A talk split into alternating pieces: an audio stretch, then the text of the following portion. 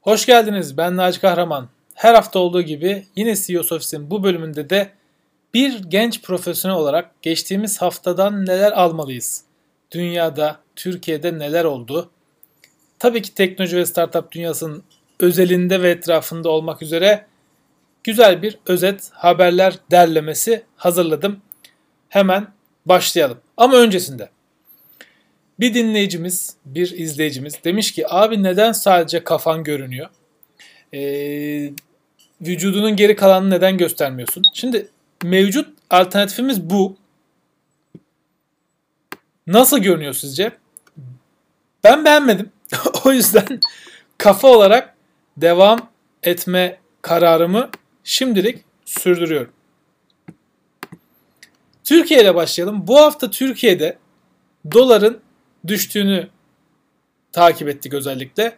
Dolar 1 dolar 7,62 TL. Çoğu zaman tabi doların düşmesi bizim için hani olumlu bir gösterge olarak e, öne çıkıyor. Peki doların düşmesinin arkasındaki sebepler nelerdi? İki tane ana konudan bahsedeceğim. Bir tanesi aslında doların dünya genelinde değer kaybetmesi. Diğer para birimlerine karşı değer kaybetmesi. Çünkü dolar basımı devam ediyor. Amerika'daki hem şirketler hem bireyler için büyük yardım paketleri açıklandı, açıklanacak. Bundan dolayıdır ki bir kağıt paranın, bir kağıdın değerinin düştüğünü görüyoruz. Mesela bir örnek. Euro dolar karşısında Mart Nisan 2018'den beri en yüksek değerine ulaşmış durumda.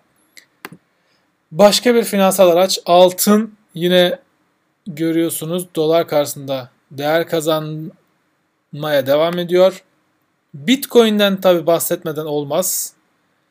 Ee, Bitcoin tarihindeki en yüksek değerine geldi. Bu hafta 20 bin doları geçti. Hatta şu an 20 Aralık 2020 akşam itibariyle 23 bin dolar 789 23 bin 789 dolardan işlem görüyor. Tabi Bitcoin bir e, rezerv para ya da uluslararası kabul edilmiş bir para birimi değil. Ama bir yatırım aracı olarak kullanıyorsanız da çok hızlı yükselip çok hızlı düştüğünde aklınızda bulundurarak işlem yapın diyerek devam edeyim. Peki Türkiye'de ne oldu da doların değeri TL'ye karşı düşüyor? Bu noktada Merkez Bankası'nın 24 Aralık'taki toplantısı öne çıkıyor. Bu hafta Merkez Bankası toplanacak ve faizlerin değişip değişmediği ile ilgili bir karar bildirecek. Citi, Citi gibi, JP Morgan gibi büyük finansal kuruluşlar bu hafta %2 faiz artışı yapmasını bekliyor Merkez Bankası'nın. %1 ile 2 arasında faiz artışı olacağını bekleyenler var. Hiç faiz artışı olmayacağını düşünenler de var. Peki 24 Aralık'ta ne olacak? Bin tabii ki bilmiyorum. Yani bu konu uzmanı değilim. Ne olursa dolar değişir. Bu konuda detaylı bir yorum yapmayacağım. Ama 24 Aralık'taki toplantının takip edildiğini söyleyeyim ve bir e, beklenmedik bir durum olduğunda doların nereye gittiğini o zaman göreceğiz. Eğer dolar faiz artışı olacağını düşünerek e, insanlar yatırım kararlarını vermiş ve doları satmaya eğilimli ise e, faiz kararı sonrasında ne olacağını göreceğiz, takip edeceğiz. Özetle 24 Aralık'taki toplantının ne olacağını bekliyoruz. Şimdi gelelim gerçek ekonomiden bir örneğe. Büyük kısmının Koç grubuna ait olduğu, ait olan e, Arçelik, Türkiye'nin büyük sanayi şirketlerinden bir tanesi. Hitachi'nin, Japon Hitachi'nin beyaz eşya biriminin %60'ını satın alıyor. E, burada anlaşma şöyle olacak. Hitachi Tayland, Çin'deki üretim tesisleri ve yine Tayland, Çin artı Hong Kong, Tayvan, Singapur, Malezya, Endonezya, Orta Asya, Orta Doğu, özür diliyorum, Vietnam ve Myanmar'daki satış şirketlerinin de bunların hepsini Hollanda'da yeni bir şirkete yeni bir şirket kurarak Hollanda'da birleştirecek ve bu şirketin %60'ına da Arçelik 300 milyon dolar vererek Hitachi'nin beyaz eşya birimini kontrol etmeye başlayacak. Burada dikkat ederseniz Hitachi Japonya'daki e, hem tesislerini hem de satış ağını Arçelik'e vermemiş oluyor. Tabii bir Türk şirketin yurt dışına satın alma yapması da her zaman benim hani öne çıkarmak istediğim, hoşuma giden haberlerden bir tanesi. Gelelim bir sonraki konuya. Sosyal medya devleri biliyorsunuz Türkiye'de önce bir 10 milyon TL ceza yemişti. Sonra bir 30 milyon TL ceza yemişti. Bunun sebebi de bir resmi atama, bir temsilci atamaması idi. Burada Facebook grubu, Twitter, LinkedIn, YouTube, TikTok cezalar yemişti. Ve bu hafta öğrendik ki YouTube bir temsilci atama sürecine başlamış. Bunu da kendi kanallarından duyurdu. Haliyle eğer kurallara uygun bir temsilci atarsa cezasının %75'i silinecek ve 40 milyon yerine 10 milyon TL ceza ödeyerek ve bir temsilci atayarak Türkiye'nin kanunlarına uygun bir sosyal medya şirketi olarak devam edecek. Facebook'tan ve tabii onunla ilgili Instagram'dan ve Twitter'dan henüz bir haber yok. Ee, bakalım onlar nasıl davranacaklar. Süreleri azalıyor. Aslına bakarsanız bizim de süremiz azalıyor. Çünkü e, yasalar gereği 2-3 ay sonra bu platformlara, e, kurallara uymayan platformlara neredeyse erişemez hale geleceğiz. Diğer yandan Twitter ile ilgili başka bir haberimiz var. Hazır sosyal medya konusu açılmışken bu konudan bahsedeyim.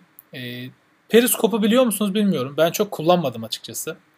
Ama birkaç yıl öncesine kadar adı hep Süper Lig'deki maçların canlı yayınlandığı platform olarak e, anılıyordu. Bir video paylaşım e, uygulaması Twitter'a ait.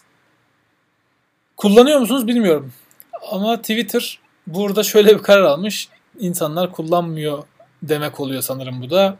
E, ayrı bir uygulama olarak yaşatmak yerine yüksek maliyetler sebebiyle Periskop'u Mart 2021'de kapatıyoruz. Bir, kararında Periskop'u kapattığını söylüyor. İki, zaten Periskop'ta yapacağınız şeyleri Twitter'da yapabiliyorsunuz ve bu konuda da geliştirmelere devam edeceğiz gibi bir mesaj var. Zaten Twitter'da biliyorsunuz görsel yükleme, video, canlı yayın yapma gibi özellikler vardı.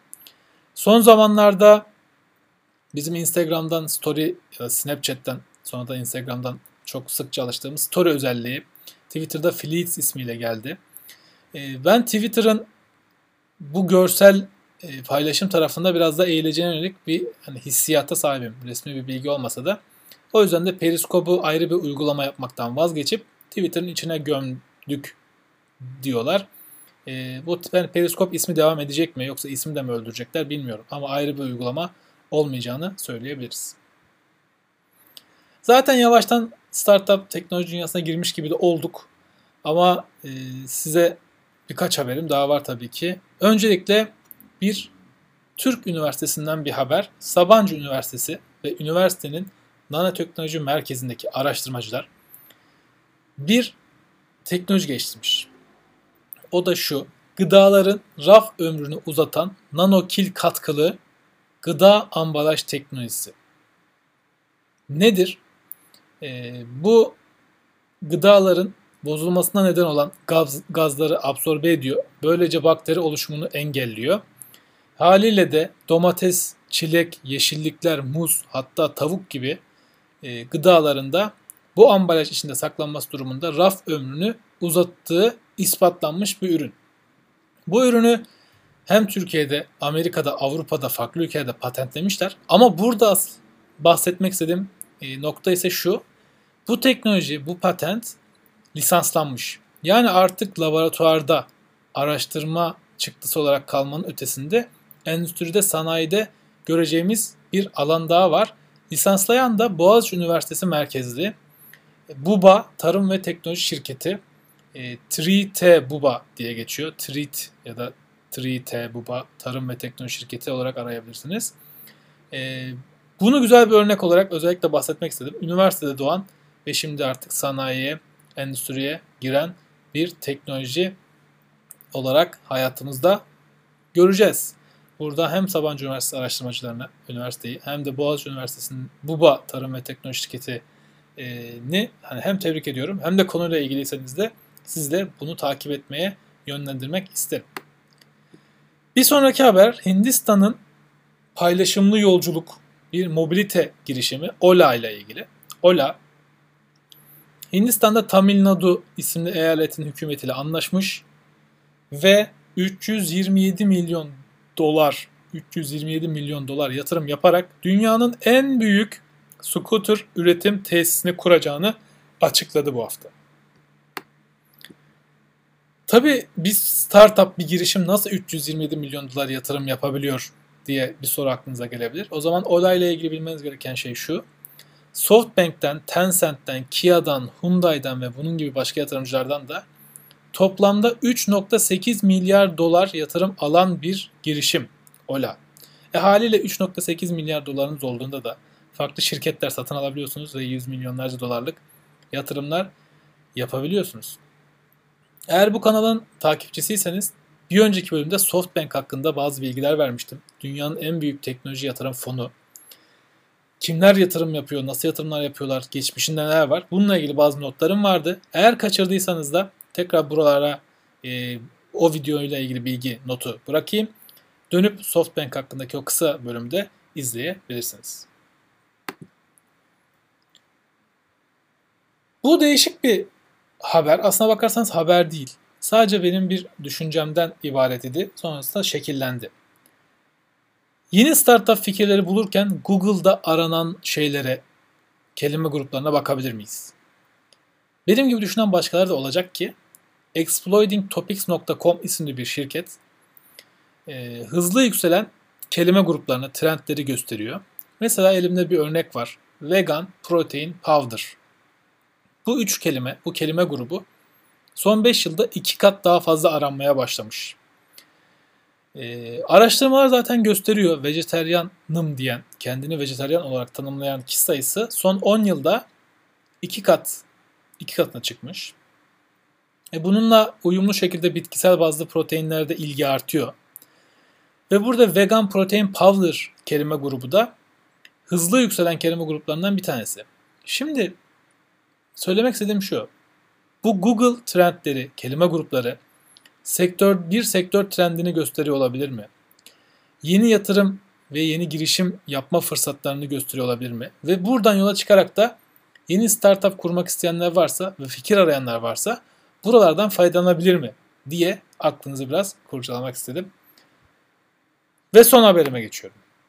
Goldman Sachs Sachs e, müzik endüstrisinin bugünü pandemi dönemi ve pandemi sonrasının hakkında bazı öngörülerde bulunmuş ve bunu bir raporda yayınlamış. Burada benim ilgimi çeken de birkaç not var. E, şu an ekranda görüyorsanız e, tabloda tabii 2020'nin ilk yarısında büyük bir ciro kaybı var müzik endüstrisinde. Çünkü e, büyük etkinlikler, konserler, fiziksel etkinlikler iptal oldu. Bu da yaklaşık %25'lik bir ciro kaybı yaratmış müzik endüstrisinde. Fakat Goldman Sachs'a göre bu durum e, değişecek ve hatta online etkinlikler pandemi sonrasında da devam edecek. Ve haliyle müzik endüstrisi geçmişten pandemi öncesine göre çok daha hızlı bir şekilde toparlanacak. Bunun daha üstüne çıkacak, çıkacak gelir bazında diyor. Diğer bir not 2019 yılında akıllı telefonu olanların %8'i bir müzik platformuna para öderken Spotify gibi %8'den bu oran %21'e çıkacak 2030 yılında diyor. Spotify ve benzer uygulamaların fiyatlarının yükseleceğine dair bazı öngörüleri var. Ve yeni müzik servisleri online konserler, sanatçıları takip etmek gibi yeni servisler, yeni startuplar, yeni şirketler de sektöre girecek ve sektörde bu konuda da e, yer olacak gibi öngörüleri var. Eğer müzik endüstrisinin içindeyseniz ya da bu sektöre yönelik bir şey yapmak istiyorsanız da bu rapora göz atmanızı tavsiye ederim. Onun da linkini aşağıda YouTube'da açıklamalar bölümünde vereceğim. Bu haftalık bu kadar.